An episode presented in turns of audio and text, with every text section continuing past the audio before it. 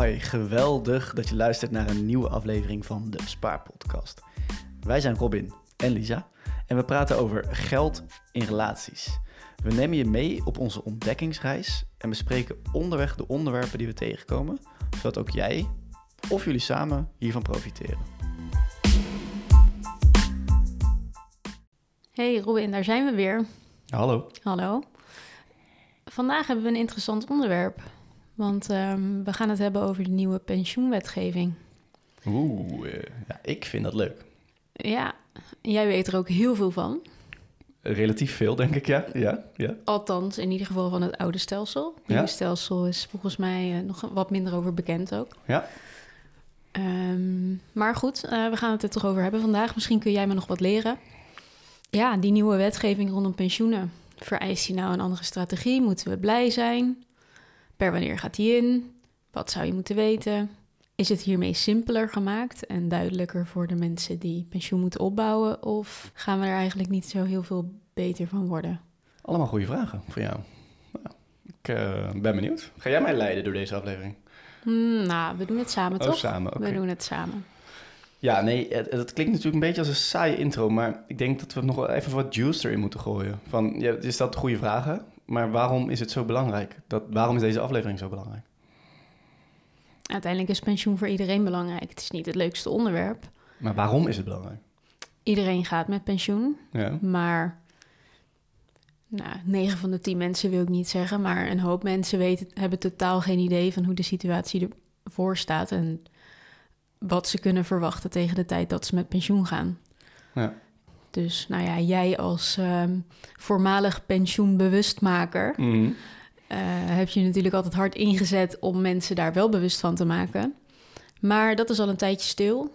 Ook omdat natuurlijk de nieuwe wetgeving eraan kwam. Ja. En eh, nou, ik denk dat het tijd is dat we het er weer eens over gaan hebben. ja, dat denk ik ook wel, ja. Ik heb natuurlijk ontzettend veel gedaan, online cursus gehad. eh, ja, daar bleek toch wel dat er is interesse, maar veel te weinig. Ehm, Het is ook gewoon niet zo'n sexy onderwerp. Nee, maar dat, dat is totaal... Als we nou een ander woord geven en gewoon zeggen... het is een kwart van al het inkomen waar je voor werkt... en je noemt het eh, bonus... dan gaat iedereen nu fappend door die aflevering heen. Fappend worden. Oké, ja, dat is een beetje overdreven... maar dan wordt, iemand, er wordt iedereen potengeil van. Want dan denk je, wow, 25% inkomen. En dat is het voor, in heel veel gevallen ook echt. Maar mensen realiseren zich dat niet. Dus ik weet niet... Ja, het klinkt dan raar. Hè, van, ik zei altijd van pensioen moeten we sexy maken en zo. Maar het gaat gewoon om een serieus percentage van je inkomen... van je toekomst, van je leven ook. Ja, eh, de levensverwachting wordt steeds ouder, Hoger, hoger. ja. Dus ja, er is ook gewoon een groter aantal jaar dat je gebruik van je pensioen zal gaan maken. Ook nog. Ehm, dus belangrijk om het goed te regelen aan de voorkant. Zeker. En zo vroeg mogelijk te beginnen ook vooral. Zeker, ja, echt. Ik blijf met, met stijgende verbazing hoeveel slimme mensen, ook slimme mensen, hier niet naar kijken. En met name hen kan ik het dan nog wel eens kwalijk nemen. Ik denk, ja, jullie hebben zo nog een hersencellen om het uit te zoeken. Eh, ja, ik word, dit is voor mij echt zo'n onderwerp waar ik heel enthousiast van word, maar soms ook een beetje geïrriteerd, omdat het inderdaad niet, omdat, het, omdat er zo weinig aandacht naartoe gaat, ook vanuit de overheid. En omdat de overheid het zo complex maakt, dat, dat ik het niet in één aflevering volledig uit kan leggen. Ja. Ja, ik denk dat de overheid ook niet zo goed weet wat ze ermee aan moeten. En dat het, het, het is al zo complex en nu willen ze er iets anders van maken. En die Nou, weten denk ik ook gewoon niet zo heel goed hoe. Ze hebben er iets anders van gemaakt. Ja, Dus ze hebben, ja, dat is waar. Het is al doorheen. Maar ja, Nou het, goed, is, eh, het, voor het de- blijft we gaan het niet verhaal. droevig, we gaan het leuk brengen. Ja. Want er Ja. zitten kansen, we gaan ook Mhm. de kansen. Ik denk, ik geloof meer, hè, als je zegt dat er kansen liggen, dan gaan mensen misschien in actie komen. Maar tegelijkertijd ga ik denk ook wel een keer de, de, de FOMO gebruiken. Van eh, als je dit niet doet, dan. Dus eh, Oké. Eh, eerste journaalpost. ja, Heb jij nog nieuwtjes deze week? sowieso. Nou ja, we gingen dus deze aflevering opnemen. Eh, dus ik dacht, eh, laat ik eens slim zijn en... eh, nou ja, dit is een beetje bij de loodgieter thuis lekt het. Maar ik eh, ben, wat is het, eh, zeven, mm, acht maanden geleden van werkgever gewisseld. Mhm. Dus ik dacht, nou laat ik eens kijken hoe het met mijn pensioen zit. Oh ja, en? Eh, nou ja, toen eh, had ik uiteraard geen inloggegevens. Dus ik zoek naar die inloggegevens, bellen met mijn werkgever, hoe kom ik aan de inloggegevens? Ja, ja, ja, dat weten wij eigenlijk ook niet zo goed. En toen dacht ik, oké, dit is geen goed teken. Stellen mijn collega's deze vragen dan ook niet? Uh, dat was alweer een beetje dat typische rondom pensioen. Ja. Um, en toen zei ze, nou, bel dan maar even met... Uh, we zitten bij ASR Mijn Doen Pensioen. Ja. Nou, ik daarmee bellen. Toen zeiden ze daar zo van... Uh, ja, je staat wel in het systeem. Um, maar niet met eigen pensioen. Oh, oké. Ik zei, wel dan? Ja, je staat wel als, aangemeld als partner van L. Koppers. ik zei, oké, nice. Uh, dat is goed om te horen. Ja, alleen minder goed nieuws dat je dus zelf blijkbaar niet aangemeld was. Nou ja, dat zijn ze dus nu aan het uitzoeken, ja. Dus mogelijk zijn ze me gewoon vergeten aan te melden... en moet het nu met terugwerkende kracht geregeld worden. Oké, ja. Dus ik ben benieuwd. Ja, ik hoop niet dat daar een staartje aan zit of zo, of iets. Nee, nou ja, in jouw contract staat gewoon dat jij een bepaald percentage uh, pensioen opbouwt, toch? Ja, dus, dus, dus ze moeten het gewoon regelen. Ja, en het is heel slordig dat ze dat nog niet gedaan hebben. Nou, dat wil En- ik nog niet nu al concluderen. Maar gewoon Ja. hoe het proces liep was wel, eh wel weer typisch. Bijzonder. Mhm. Ja. Maar ik ben dus wel even trots. Eh is meteen een hele grote tip voor de luisteraar dat jij mij hebt aangemeld.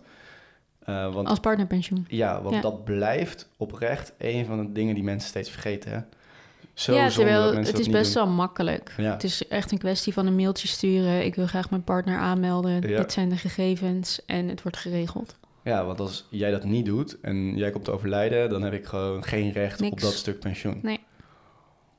Nou, tenminste, omdat wij niet getrouwd zijn natuurlijk. Ehm, maar ja, dus check dat gewoon. Ik, ongeacht je situatie, dat partnerpensioen. Nou, hebben ze hier de eerste tip alweer. Ik heb het al heel vaak gezegd, Ja. maar ik denk dat er ook weer nieuwe luisteraars zijn. Ehm, dus dankjewel daarvoor. Graag gedaan. En jij? Ja, nou, ik heb dus ook eens weer, weer eens ingelogd in mijn eh, pensioenoverzicht. Ja? En ik kwam daar wel tot een opvallende conclusie. Oké. Want nou, ik heb altijd voor grote corporates gewerkt. Ja. En daar was de pensioenregeling echt dik prima. Eh, zelfs zo goed dat ik dacht dat ik eh, tegen de tijd dat ik met pensioen zou gaan... nog nou ja, praktisch hetzelfde zou blijven krijgen... als dat ik nu, eh, nu aan netto salaris ontving. Ja. Onder andere ook door gunstigere belastingschijven uiteraard. Mhm. Ehm, maar ja, ik ben van werkgever geswitcht en ik bouw daar nog steeds pensioen op. En op zich is het best een prima regeling. Maar mijn verwachte pensioenuitkering is, nou, daar is denk ik toch wel een derde van afgegaan. Een derde, ja. Ja, En weet je ook zelf hoe dat komt? nou, ja, ik had wel echt een goede regeling bij mijn vorige werkgever. Ja. Ehm, maar ja, hoe, het, hoe exact de vork in de steel zit, weet ik eigenlijk niet. Ik heb een vermoeden. Ik denk inderdaad dat de bedrijven waar je eerst zat, die hebben soms, waar ik het net had over een kwart, leggen soms wel tot wel een kwart aan salaris in, in pensioenregelingen. Bijvoorbeeld Unilever zat volgens mij op 30% Oké. En de bedrijven waar wij nu tegenwoordig voor werken, die hebben start-ups en scale-ups en dat Ja. soort dingen.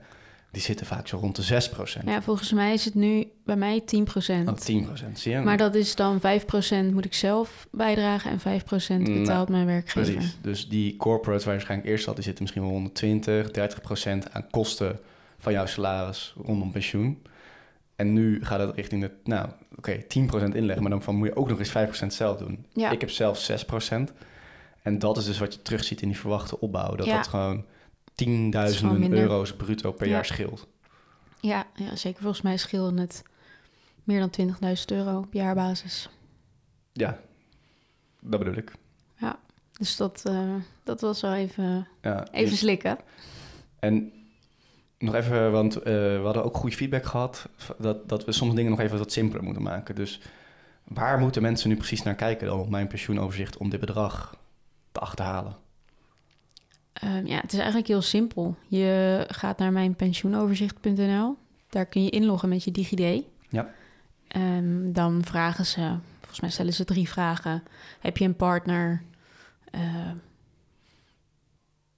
ik weet eigenlijk niet eens wat die andere vragen zijn. Volgens mij is dat het voornaamste wat je moet aangeven. En dan klik je op volgende en dan kun je kiezen of je het per jaar of per maand wil zien. Mhm. En dan krijg je een overzicht te zien van alle aanbieders waar je ooit pensioen hebt opgebouwd. Ja. Dus in mijn geval zijn het vijf verschillende volgens mij. Ja. Ehm, en dan kun je dus zien vanaf welke leeftijd je AOW zult gaan ontvangen. Al was dat grappig, want dat was vorige week bij... Welk Radar. programma keken we? Radar. Radar, ja, ja. was dat nog op tv dat dat dus niet klopt. Nee, de woorden die er staan zijn verkeerd gekozen. Ja, Er staat dus stellig dat je... dat je bij 67 jaar in drie maanden AOW ontvangt. Maar Ja. dat is helemaal niet het geval als je nou ja, rond de leeftijd bent die wij zijn. Klopt. Dus, eh, dus dat is nog interessant. Maar eh, je kunt dus wel zien wat je per pensioenaanbieder hebt opgebouwd tot nu toe. Ja. En wat de verwachting daarvan is verdisconteerd over de jaren eh, tot aan je pensioengerechtigde leeftijd. En dan staat er een bruto bedrag. Ja. Per jaar. Ja, en per maand een netto uitkering. En wat zegt dat bedrag? Dat zegt wat jij, eh, wat het bedrag is dat jij tegen de tijd dat je met pensioen bent zult krijgen. Ja, maar mensen vinden het moeilijk om te... Oké, mensen vinden het moeilijk om te bepalen of dat dan een goed bedrag is, zeg maar. Ja, Dus bij jou is er 20, 30.000 euro bruto per jaar vanaf. ja. Maar is het dan nu te weinig? Is het dan nog steeds oké? Of wat zijn je opties, zeg maar? Het is Ja, zo moeilijk om dat De- perspectief maar het is, het is ook moeilijk om dat te beantwoorden voor Ja. iemand. Want wat voor mij genoeg is, hoeft voor jou niet genoeg te zijn. En er spelen zoveel factoren mee. Ik bedoel, Hmm. kijk, als jij 30 jaar lang in hetzelfde huis blijft wonen en je hebt, dat, je, hebt je hypotheek volledig afgelost, Ja. dan is de kans groot dat je het met een lager bedrag wel redt, omdat je kosten relatief laag zijn. Klopt. Maar hier hebben we dus altijd aan gestoord dat we een soort van in Nederland niet antwoord op deze vraag kunnen geven. Nee. Omdat het zo. En dat je dan een soort van specialist nodig hebt om dat maar te beantwoorden. We moeten het gewoon simpeler kunnen maken. Ik heb overigens in eh nou, het pensioen e-book, dat, dat staat nog online. Dat heeft een eh, hele dringende update nodig. ja. Maar daar geef ik wel wat vuistregels rondom dit. En een vuistregel is dus, volgens mij moet 80% van de Nederlanders het doen met een pensioen van max 38k bruto per jaar. Ja. Dus als je erboven zit, nou dan doe je het best redelijk. Mhm. Eh, als je onder die 38k zit, dan doe je het een beetje gemiddeld. En dat is ook die belastingsschijf ja. eh, die Want- daar ophoudt. Ja, want op het moment dat je de AOW-leeftijd bereikt, kom je in een lager, in een lager eerste belastingsschijf. Ja. Omdat je sociale verzekeringen niet meer hoeft te betalen. Klopt, tot en met die 38k. Ja, dus dan betaal je, wat is het, 18% 19 Als je met AW gaat, en dat is dus eh, meteen een van die voordelen, en nou, dan gaan we misschien wel een bruggetje naar het, eh, het Naar het hoofdonderwerp. ja. Ehm, als je met AW gaat, dan betaal je niet die 36,97 of 49,5 procent eh, over de eerste 38k, maar 19 procent. Ja, Dus in plaats van 19 procent, of in plaats van 6 37 procent, 19 procent. En daar zit een heel groot voordeel Mhm. van pensioenbeleggen. Ja, in. Dus met name voor iedereen die een bedrag ziet staan op mijn pensioenoverzicht, wat dus lager is dan die 38, is er dus een soort van extra incentive of extra voordeel te behalen. ja. En daarbij is dan dus ook meteen de opmerking dat je netto bedrag ten opzichte van, je, van die bruto 38k relatief hoger is dan wat je nu zou krijgen. Dus als nu jouw salaris 38k is, dan hou je Mhm. daar netto minder van over dan dat je overhoudt tegen de tijd dat je met pensioen bent. Ja. Omdat je meer dan 10% of 8% minder belasting betaalt. Ja, nu maak je hem wel weer complex. Sorry. Oké, eh, misschien een stapje terug, want we gaan in één keer met een eh, heel moeilijk bruggetje. En ik ben, ik ben gewoon bang dat mensen dan af gaan haken. Of... Dus ehm, kunnen we niet even beginnen bij de waarom? Waar, Nou ja, misschien of- moeten we of even... wat is er gebeurd? Of- Misschien moeten we even nog een stapje terug. Want wat is überhaupt het pensioenstelsel in Nederland? Oké, Ehm, dat bestaat uit drie pijlers. ik laten we hem niet helemaal... Laten we zeggen, oké, ik heb er acht afleveringen over opgenomen. Ja. Heel seizoen drie. Ja. Maar even kort recap. Ja, Drie pijlers. ja. Pijler 1, AOW. AOW. Pijler 2, het gedeelte wat je eh, werkgever... of wat je samen met je werkgever opbouwt. En pijler 3, hetgeen wat je zelf Ja. nog kunt bijregelen. Ja, klopt. En wij gaan het vandaag vooral hebben over de wijzigingen in pijler 3. Ja, precies. Goeie. We kunnen het wel kort. Oké. eh, en dan zijn er dus dingen gewijzigd. Dus vorig jaar, op eh, geloof eind mei 2023, is er een nieuwe wetgeving aangenomen. Die gaat in met terugwerkende kracht vanaf 1 januari 2023. En dat betekent dat er eh, wijzigingen zijn in het pensioenstelsel. Nou, voordat we die allemaal uit gaan leggen, ehm, kijk, het grootste probleem is en blijft denk ik dat überhaupt heel weinig mensen hier iets mee doen. Hè? Dus mensen zoeken dit niet uit. En ik las dat uit in het onderzoek van de AVM eh, over 2020 bleek dat 5% van de werknemers en 11% van de zelfstandigen leggen überhaupt in. Ja, in pijler 3. In pijler 3. Ja. Dus we hebben eigenlijk een soort van wetgeving verbeterd voor een hele kleine groep mensen. Nou, met de hoop dat die groep mensen dan nu ook wat groter wordt. Ja. Toch? Dat meer mensen bekend raken met het idee en zelf stappen gaan ondernemen om dat pensioen te regelen. Ja. En als je hem nou heel simpel plat moet slaan, wat is er nou in één of twee zinnen zo anders geworden? Het wordt een stuk individualistischer.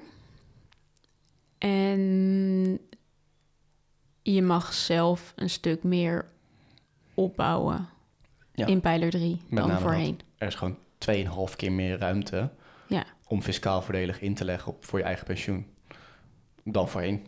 Ja. Ja, dat is de hele simpele uitleg. En waarom hebben ze dit nou gedaan? Waarom is er nou überhaupt nieuwe pensioenwetgeving?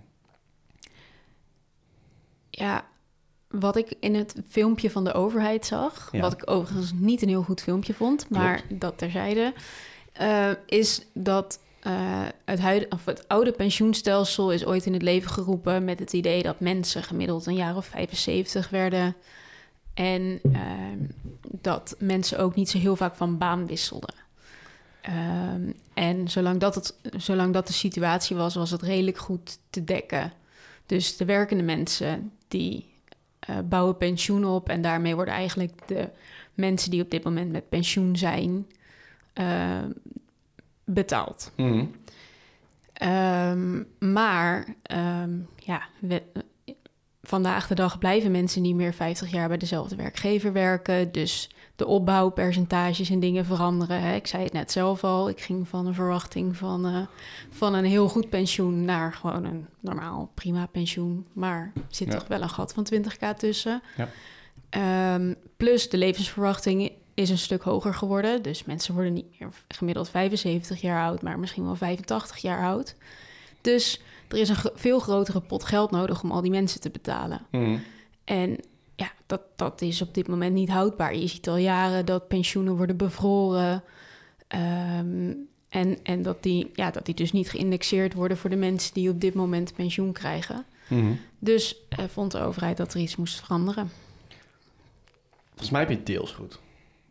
Want dat klopt en dat is al jaar gaande, maar dat probleem wordt niet per definitie opgelost door meer ruimte te geven in individuele pensioenpotjes. Nou ja, het idee is dat het nu meer meebeweegt met de economische situatie.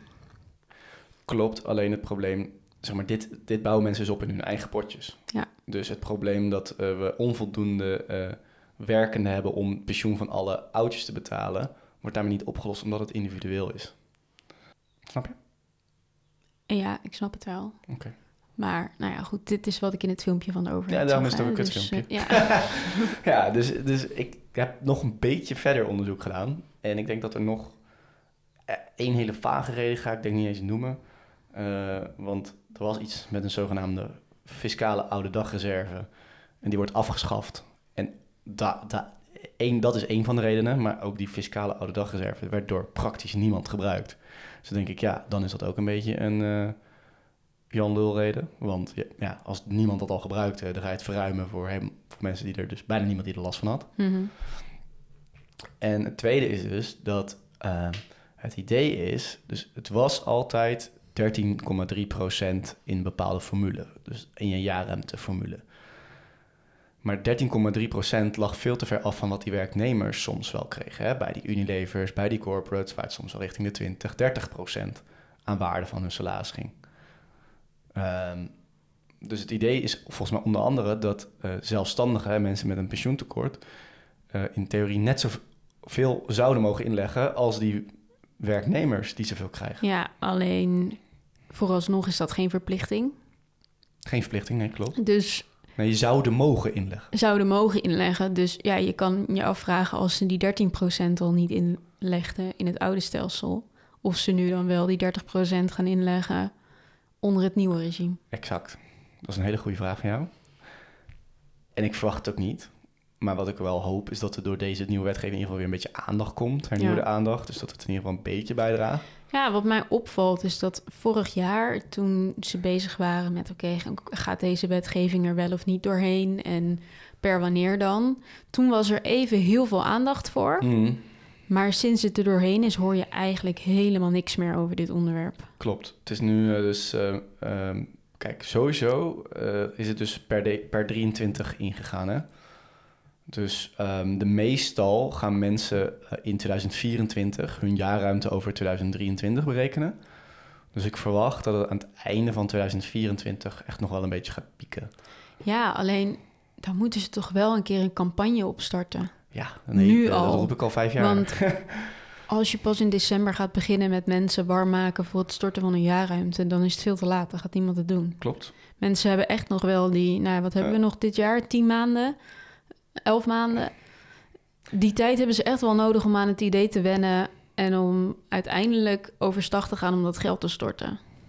Klopt. Ja, je hoeft mij niet uit te leggen. Ik heb jarenlang geroepen dat ik de campagne voer die de overheid Ja. had moeten doen. Ja, dat is Eh, zo. Maar inderdaad, dus ja, die vraag van gaat het dan nu wel meer zijn? Nou, ik hoop in ieder geval dat mensen, hè, die hadden eerst zeg, die 13,3 procent, dat mensen misschien voorzichtig dachten, nou, dan doe ik misschien de helft. Nou, als je dan nu zegt van, oh, dan doe ik nu nog steeds de helft. Mensen hebben een soort van neiging om nooit het maximaal te doen. Dat ze dan nu in ieder geval gemiddeld meer procent in gaan leggen. Dus wat beter voor hun pensioen sparen. Ja. Maar ja, als dat nog steeds maar 5% van de werknemers en 11% van de zelfstandigen is. Ja, nee, Dan is dat een daarom beetje dus een een van de vragen van, moeten we nou blij zijn? Ja, nou ja, ik vraag me dus af, oprecht af, wie er nou blij mogen zijn. Ja, de pensioenbedrijven, want Ja. de mensen die het doen gaan meer geld inleggen, dus ze hebben niet meer geld. Maar het, het, het echte probleem, dat mensen niet in actie komen, is niet opgelost. Nee, nu las ik wel dat ze ook gaan kijken, oké, eh, hoeveel gaat er nu veranderen? Gaan echt meer mensen nu inleggen? En zo niet, gaan ze alsnog kijken of ze pensioenopbouw voor zelfstandigen kunnen verplichten. Nee, dat lijkt me ook meer dan terecht. Ja. Want we gaan daar ook een mega groot probleem krijgen als we richting 2 miljoen mensen gaan die geen pensioen opbouwen. Ja, En die absoluut. allemaal niks doen. Ja. En die denken nu, oh, dat is mooi, mijn netto salaris is wat hoger. Ja, over 30 jaar hebben we dan een gigantisch probleem. En die mensen gaan echt niet allemaal op straat leven. Nee, En dit is een beetje het doemscenario, maar ja, of moet die mensen denken, veranderen. ik red het wel met alleen AOW, maar dat dan- vraag ik me af. Ja, nee, ja, dat is, dat is leuk. Dat, dat red je niet. Nee, ja, Die- wat is dat, die kost- 1300 euro per maand? Ja, en die zorgkosten en het bejaardentehuis, daar kun je er niet van betalen. Nee, ja, eh, je hoeft mij niet te overtuigen, maar... Oké. Ja, gelukkig. Oké, maar goed. Eh, even misschien, we gaan, ik, ik wil het niet helemaal tot in detail uitleggen, want ik denk dat dat onmogelijk is in een podcastaflevering. Maar kun je wel nog even eh, misschien mij helpen met herhalen wat er nou ongeveer gaat echt veranderen dankzij die wetgeving? Dat kan zeker. Oké, stap voor stap. Oké, nou, een van de verschillen ten opzichte van nu is dat je onder de nieuwe wetgeving nog tot vijf jaar nadat je de AOW-leeftijd hebt bereikt, door mag gaan met inleggen voor je pijler 3 pensioen. Ja, oké. En eerst was dat... Ja, tot, Tot tot, je AOW AOW-leeftijd. En daarna moest je overgaan tot uitkeren. En is het, eh, waarom is dat goed, mooi, handig? Ja, nou ja, het is een voordeel dat je wat langer kunt inleggen, mocht je dat willen. Dus ook stel dat jij eh, nog wat langer doorwerkt dan je pensioenleeftijd. Dan, kun je dat eh, geld nog inleggen en dan kun je inleggen. alsnog je pensioen wat opkrikken. Ja. Dan is het niet zo'n verrassing van, oh kut, nu was ik echt te laat. Je hebt gewoon nog vijf jaar. Je hebt vijf jaar extra om wat op te bouwen. Dus zelfs, dus zelfs als jij pas op je 55ste bedenkt... oh, misschien moet ik iets voor mijn pensioen regelen... ja, dan heb je in principe nog even de tijd om, eh, om wat meer op te bouwen. Oké, helder punt. Ja, mooi. Oké. Ehm, nou ja, je mag dus eh, een stuk meer gaan inleggen. Ja, die had ik al genoemd. Die had je al benoemd. Dus eh, van 13,3% naar 30% per jaar. In de praktijk komt dat neer op ehm, ongeveer 15.000 euro per jaar in de oude situatie. En dat gaat naar bijna 35.000 euro. Ja, als je het als je maximale... het maximale eh, inkomen hebt. En dat is? 128.000 euro. Dus als je een inkomen hebt van 128.000 euro, Of bijna 129.000 zelfs. 129, nou ja, het gaat niet de, om de euro. Ja. En je gooide dat in die formule. Ja. En dan deed je dan maal die 13% Dan kwam er eerst ongeveer 15.000 euro uit dat je maximaal Ja. in mocht leggen. Dus stel dat ik in, ik in 2023 die 130k had verdiend. Dan mocht ik eerst, was mijn maximale jaarruimte over dat specifieke jaar 15.000 euro. En dat wordt nu zo'n 35.000 euro. Klopt. Dus iets meer dan die twee keer, dus bijna die 2,5 keer extra ruimte. Ja. Dus mag je in één keer een fiscaal bedrag van 35.000 Ja. euro storten. Ja. Ja. Oké, En dat stort je dus bruto. Ja. Dus eh, daar hoef je nu geen belasting over te betalen. dus ik stort, eh, ik heb 130.000 euro inkomen, ik Ja. stort 35.000 euro. Ja. Dan betaal ik mijn belasting over 95.000 euro. Klopt. Oké. Oké. Ja. En dat betekent niet dat je er nooit belasting over gaat betalen. Want tegen de tijd dat je met pensioen gaat Ja. en het vermogen valt vrij, dan betaal je Ja, dus dat is het effect van de uitgestelde inkomstenbelasting. juist. Ja. Ja. Oké. Oké. En ehm, verder, je mocht tot zeven jaar terug inleggen. Ja. En dat wordt verruimd naar tien jaar. Oké, noemen ze de? Reserveringsruimte. Heel goed. I trained you well. Oké, ja, dus je hebt nog wat meer flexibiliteit. Dus je mag wel zo wel wat langer na je oude leeftijd, als je mag ook wat verder terug. Ja, ja. Dus, eh, nou ja, wat is het, tien jaar terug, dus tot ongeveer 2014, 13. Ja. weet ik, zoiets dan. denk 2013 denk ik, want het is over het afgelopen jaar, toch? Ja, maar 14, 15, 16, 17, 18, 19, 20, 21, 23. Dus ik denk 14. Oké. Nou, ongeveer in die regio Ja. in ieder geval. Eh, dus je mag, ja, je mag je jaarruimteberekening nog doen tot 10 jaar terug in plaats Ja. van 7 jaar terug. Ja, oké. Ja, en ook het bedrag voor die reserveringsruimte gaat omhoog. Van 8000 naar eh 38.000. Ja, en daar zit wel weer een mits je niet 10 jaar voor je AW zat, dan was het alweer een ander Ja, bedrag. Ja, allemaal goed, regeltjes. dat eh, wordt allemaal wel erg ingewikkeld. Wij hebben geen oude luisteraars. Ik weet het niet. Oh, nee, ik zeg niet nu hopelijk. Oh, sorry pa. Die zit 10 jaar voor zijn AW. Eh, Minder. Opa zit in zijn AW. Minder. Dus we weten in ieder geval twee luisteraars. Oh die, ja, eh, mijn opa luistert ook, ja. ja. Leuk. Ehm, nou, dat zijn denk ik wel de belangrijkste. Ehm, en dan nog heel even kort over die voordelen. Want we noemden net dus die uitgestelde inkomstenbelasting. Dat is één. Mhm. Maar wat is nou nog meer een heel groot voordeel? De vermogensrendementsheffing. Oh ja. Ja, ja, dat klopt. Over het gedeelte wat je inlegt op een... Nou, je moet dan wel een specifieke pensioenbeleggingsrekening openen. Ja. Dus dat geld staat vast. Ja. Tot aan, je, tot aan de uitkeringsfase. Maar over het geld wat je daarop inlegt... hoef je nu dus geen belasting te betalen. Ja. Zowel dus geen inkomstenbelasting als geen vermogensrendementsheffing. Gedurende al die jaren tot je... oh, Tot je je AOW-leeftijd bereikt en de uitkeringsfase. Nou, en ingaat. dit is dus een van die dingen waar iedereen die financiën leuk vindt, echt heel erg blij van zou moeten worden. Want het effect van een, eh, met de verwachte eh, ehm, kosten aan zeg maar, inkom- eh, belasting op vermogen, hè, die er gaan Mhm. komen. Ze verwachten nu dat dat eh, met die echte rendementen gerekend gaat worden. Ja. Dus, dus 36% van 7% verwacht rendement op je beleggingen is 2, nog wat procent. Als dat ieder jaar van je rendement afgaat, dus ieder jaar weer die 2% eraf. Dus je hebt niet ieder jaar 7%, maar ieder jaar 4, nog wat procent. Dan scheelt dat zo gigantisch veel voor je uiteindelijke eh, verwachte totale bedrag op die rekening.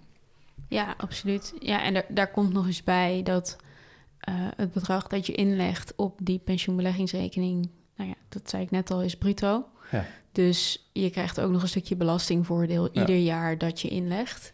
En stel dat je dat geld ook weer zou beleggen, Ja, het herbeleggen van je belastingvoordeel heb jij het Ja. ja. ja, ja, dan loopt het natuurlijk gigantisch hard op. Ja. En tuurlijk over dat gedeelte wat je dan, eh, dat belastingvoordeel wat je belegt, daar betaal je wel belasting over. Eh, want als je dat gewoon op een normale beleggingsrekening of wat dan ook zet. Eh, maar dan nog, je krijgt eh, nou, 37 of misschien wel bijna 50 procent terug. Ja, volgens mij heb je het echt over een eindwaarde die ook twee keer zo hoog is. Bijna wel. Als je ja. 30 jaar belegt of zo. ja. Kijk, je gaat toch als luisteraar waarschijnlijk iets op een beleggingsrekening zetten. En dus met name, en dat is essentieel uit deze opmerking, als je dus vermogensrendementcijfer moet gaan betalen omdat je boven die grens zit en je zit in beleggingen, dan is het zo belangrijk om dit uit te zoeken. Het kan je zo echt tienduizenden euro's aan belasting schelen. Absoluut. Nou ja, goed. Ik denk uh, als dat niet uh, aantrekkelijk genoeg is, dan weet ik het ook niet meer. Maar goed, oké. dus we hebben het gehad over de waarom. Uh, we hebben nou ja, kort uitgelegd toch nog wel wat dat is. Maar ja, willen mensen echt meer weten, download dan vooral die pensioenbijbel nog een keer. die ik nog wel een keer ga updaten gedurende dit jaar. Um, maar goed, het principe blijft hetzelfde. Dus ik denk dat we het ja, ook verder niet al te complex moeten maken voor vandaag. Nee, ik denk dat we het alweer complexer hebben gemaakt het is best dan complex, we hadden gehoopt. Ja, maar ja, probeer dit maar simpel, simpel te houden. Ja, ja. Goed, laten we gewoon vooral proberen in Jip en Janneke taal nogmaals uit te leggen dan Ja. wat men nou mee zou moeten nemen uit deze aflevering. Ja, probeer jij hem even samen te vatten. Ja, ik heb wel heel veel dingen hoor. Het is Hm? niet zomaar een samenvatting. Ja, oké. Oké, mijn kijk, punten. ik zit gewoon al jaren in dit, hè. Dus eh, mijn, hoe ik er naar kijk, persoonlijk... Nou, misschien zie je het een beetje als mijn tips zijn... Ten eerste, een soort van... Doe rustig aan. Want ik merk dat een bepaalde... Hè, die wetgeving wordt veranderd. En dan zijn sommige mensen helemaal in de stress van... Ik moet nu weten hoe het exact zit. Nou, als je gaat googlen naar informatie... De meeste kranten schrijven er nauwelijks over. Er is zo weinig over geschreven. Dat ik denk, ja, je kan tot tien jaar terug. Er is bijna geen reden om dit te overhaasten. Ja, dat. Eh, haal adem. Er is nog weinig info. Ook met name dan bijvoorbeeld rondom die belastingen. Want ik Ja. zei net wel van ja, dat wordt, eh, dat wordt belasting. eh, dat wordt 2, nog wat procent. Maar ook dat is allemaal nog steeds onzeker. Ja, Dus er is echt niks mis mee met even ademhalen. En dat is met name voor sommige fanatiekelingen die ook waarschijnlijk hier naar luisteren. heel moeilijk. Denk ja. ik wel even een belangrijke tip. Nou ja, je hebt tien jaar de tijd. Dus Ja, maar ik snap het wel als je nu in die, eh, weet ik veel, in die hoogste schijf zit. Je wil je belastingdruk een beetje dru- Mhm. drukken. Ja, je wil wel graag weten waar je aan toe bent. ja. Maar ja, zet het een beetje uit je hoofd dat dat in Nederland nou slim is. Want volgens mij kun je hier beter een klein beetje de kat uit de boom kijken. ja, in ieder geval tot er meer over bekend is. Vind ik wel. Hoe het ik vind het nog steeds werkt. magertjes. Ja. Dan het tweede. Ik denk dat überhaupt, dat noemde ik in het begin, het, het uitzoeken hiervan nog steeds een groter probleem blijft dan, eh, dan de inleg aan zich, zeg maar. Mhm. Dus zodra mensen eenmaal inleggen, gaan ze dat echt wel een beetje doen, snappen ze het. Maar het is zo gigantisch moeilijk om mensen uit te leggen hoe het nou eenmaal zit. Ja, En dat hebben ze gewoon niet weggehaald. nee, dat denk ik niet. Ik denk dat het waar mogelijk alleen maar nog onduidelijker is geworden voor mensen. Ja, dus in plaats van dat ik nou... eh, daarom wil ik ook één tip geven. eh, of misschien twee. Van zonder al dat... Het hangt af van je situatie en dit en dit en dat... en wat je hypotheek is. Gewoon log in op mijnpensioenoverzicht.nl. Kijk welk bruto bedrag per jaar daar staat. Doe dat één keer per jaar, hè, het liefst. Want bij jou Mhm. is dat ook significant gewijzigd. Ja. En als dat nou onder die 38k is, then you better get going. Want dan heb je zo, zo potentieel veel voordeel te behalen. Ja, En dan heb je het ook echt nodig. Niet alleen het fiscale voordeel, je hebt het gewoon nodig om een normaal pensioen te krijgen. Ja, het is misschien niet correct om te zeggen dat het, dat het het perfecte bedrag is. En ook in andere situaties zou het en andere. Maar ik wil gewoon een vuistregel geven. Even als, als ja, takeaway van deze aflevering: van check het dan. ja, ja, in ieder geval dat. Toch? Eh, Ja. Steek niet je kop in het zand. Dat is het laatste wat je moet doen. Log gewoon in. Dan weet je waar je aan toe En bent. het inloggen dan kun je... echt twee minuten. Ja, dat is super simpel. hè. Als je. DigiD hebt, dan ben je zo ingelogd. Je hoeft, je hoeft niks verder te berekenen nog. Nee, Je wil gewoon even weten welk bruto bedrag daar staat. Je wilt gewoon weten wat je verwachting is. En of, de, of het bedrag wat je daar ziet iets is waar je mee zou kunnen leven. Maar mensen, ik heb dat honderdduizend keer gevraagd aan mensen. Die hebben geen idee. Ja, nou ja, je weet waar je nu van rondkomt. Klopt. En kijk, natuurlijk, dat zegt niks over de situatie over 30 jaar. Hm. Want dan ziet de wereld er waarschijnlijk heel anders uit. Ja. En zijn de kosten ook van een hele andere orde dan dat ze vandaag de dag zijn. Klopt. Maar toch, ehm, je hebt dan in ieder geval iets van een leidraad en hou vast. En dat is nog altijd beter dan dat je gewoon geen idee hebt. Helemaal eens. Nou, dan zou ik nog een tweede vuistregel geven, maar die zit meer aan de, aan de andere kant. eh, dat is op een, om een, op een andere manier naar te kijken. Dat is als je dus vermogensrendementsheffing moet gaan betalen of verwacht Ja. dat op korte termijn te gaan betalen. Ja. Dan heb je echt een serieuze reden om hier Dat is verder een, mee aan de slag te gaan. ja, dat is een heel goed moment om eens uit te zoeken of dit voor jou voordelig zou zijn, ja of nee. Ja, ja, ja. Nou, eigenlijk de derde is, als je überhaupt geen pensioen opbouwt, dan weet ik, dan is dat staat gelijk aan het antwoord bij de eerste. Dan staat daar gewoon een laag bedrag. En als je dat al weet, then you better get going. Ja. Ja. Oké, oké, oké. Eh, Dus dat is, eh, ja, ik zit dan denk ik op een tip of vier of zo, of conclusie of vier. En dan had ik denk ik nog een laatste. En daar wil ik een specifiek wel even bij stilstaan. Want ehm, we hebben het gehad over het, zeg maar, het effect van die, ehm, het voordeel van die eh, inkomstenbelasting. Dus hè, die 19% in de lagere schijf. Mhm. Maar wat nou als je dus niet in die lagere schijf komt? Eh, doordat er veel meer verruiming is, bestaat er een kans eh, dat je het, het, het, het effect van de uitgestelde belasting heel erg teniet doet. Ik ga het simpel proberen uit te leggen. Je legt 10.000 euro in. Eh, als je dat, eh, dat, wordt, eh, dat is eh 50.000 euro waard als je met pensioen gaat. Ja. Dan maakt het nogal uit of je dan 19% belasting betaalt of misschien wel 50%. Dus stel nou dat je bij al je werkgevers 38k aan pensioen opbouwt, daar ligt nu die grens, Mhm. en je bouwt daarbovenop zelf wat op, dan Ja. betaal je 50% erover.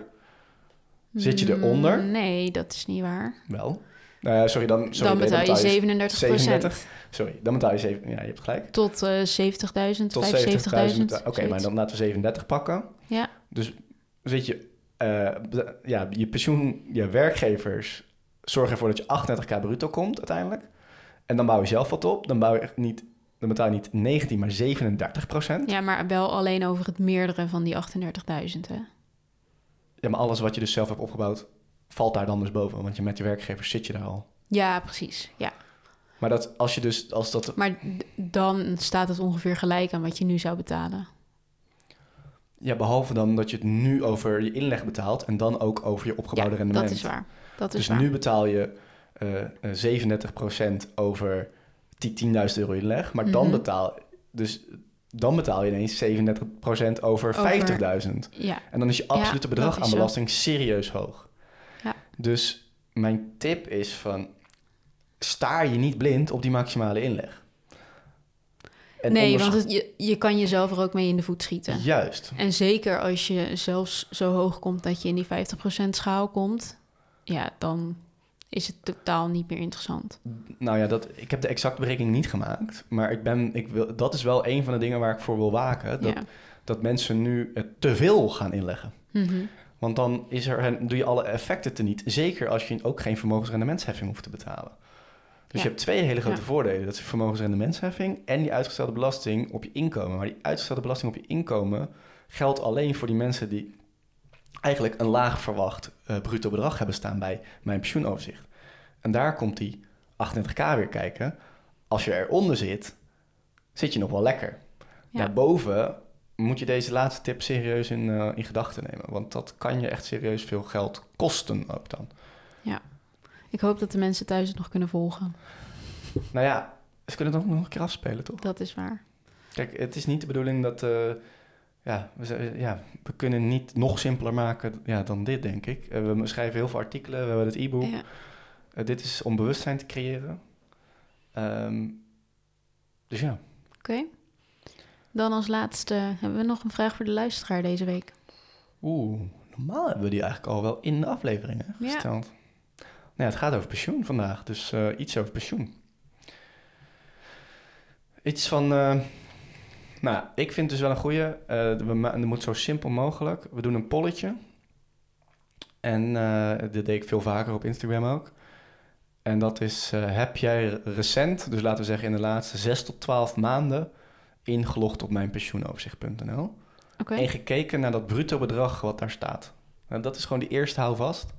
Of weet je nu uit je hoofd wat daar staat? Nou, dat is een te moeilijke vraag, maar log maar in en heb je dat gedaan? Oké, dus gewoon een poll, ja of nee. Ja of nee? Simpel as that. Heb jij ingelogd in mijn pensioenoverzicht en ik in de denk dan, in het afgelopen jaar? in lijn met onze tip 1, gaan we gewoon later dit jaar, aan het einde of zo, als het pensioen dus wel weer heel belangrijk wordt ineens en mensen in Ja. de stress raken, gaan we er gewoon nog een keer op terugkomen. Oké, Is dat een goed idee? gaan we doen. Oké. Nou ja, ik hoop dat het een beetje duidelijk was. Dus ja, zoals ik zei, het is praktisch onmogelijk. Praktisch onmogelijk. En dat frustreert me echt dat ik het niet simpeler kan maken dan dit. Ja. Jarenlang mijn best gedaan en toch lukt het me niet. En dan komt de overheid weer met nieuwe dingen en dan denk je, ja, Ja, gaan we En weer. dan wordt het nog ingewikkelder. Ja, Ja. ik kon het daarvoor al niet uitleggen. Nou ja. Gaan we bedroevend eindigen? Nee, natuurlijk niet. Hoe gaan we dan eindigen? Nou, ja, we hebben het gewoon... We hebben een poging gedaan om het een beetje makkelijker te maken. Ik weet niet of het is gelukt, maar Tuurlijk wel. Iedereen die weer een beetje is geholpen, is winst. is er één. En dat is ons doel. Precies. Dus, nou, Oké, er is nou ja. vast wel iemand die hier wat aan heeft. Dankjewel Jij ook? voor vandaag. En eh, tot de volgende dan. Tot de volgende keer.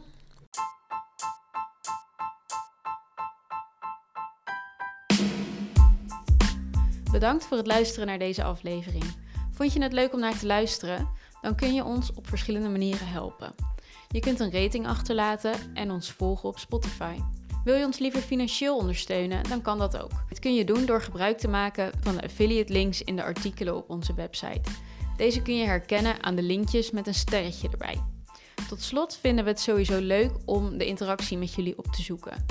Je kunt reageren op Spotify polls en via de open vragen. En ook kun je ons vinden op Instagram, dat is de Spaarpodcast, of ons een mailtje sturen naar robin@despaarpodcast.nl. Nogmaals bedankt voor het luisteren en tot de volgende aflevering.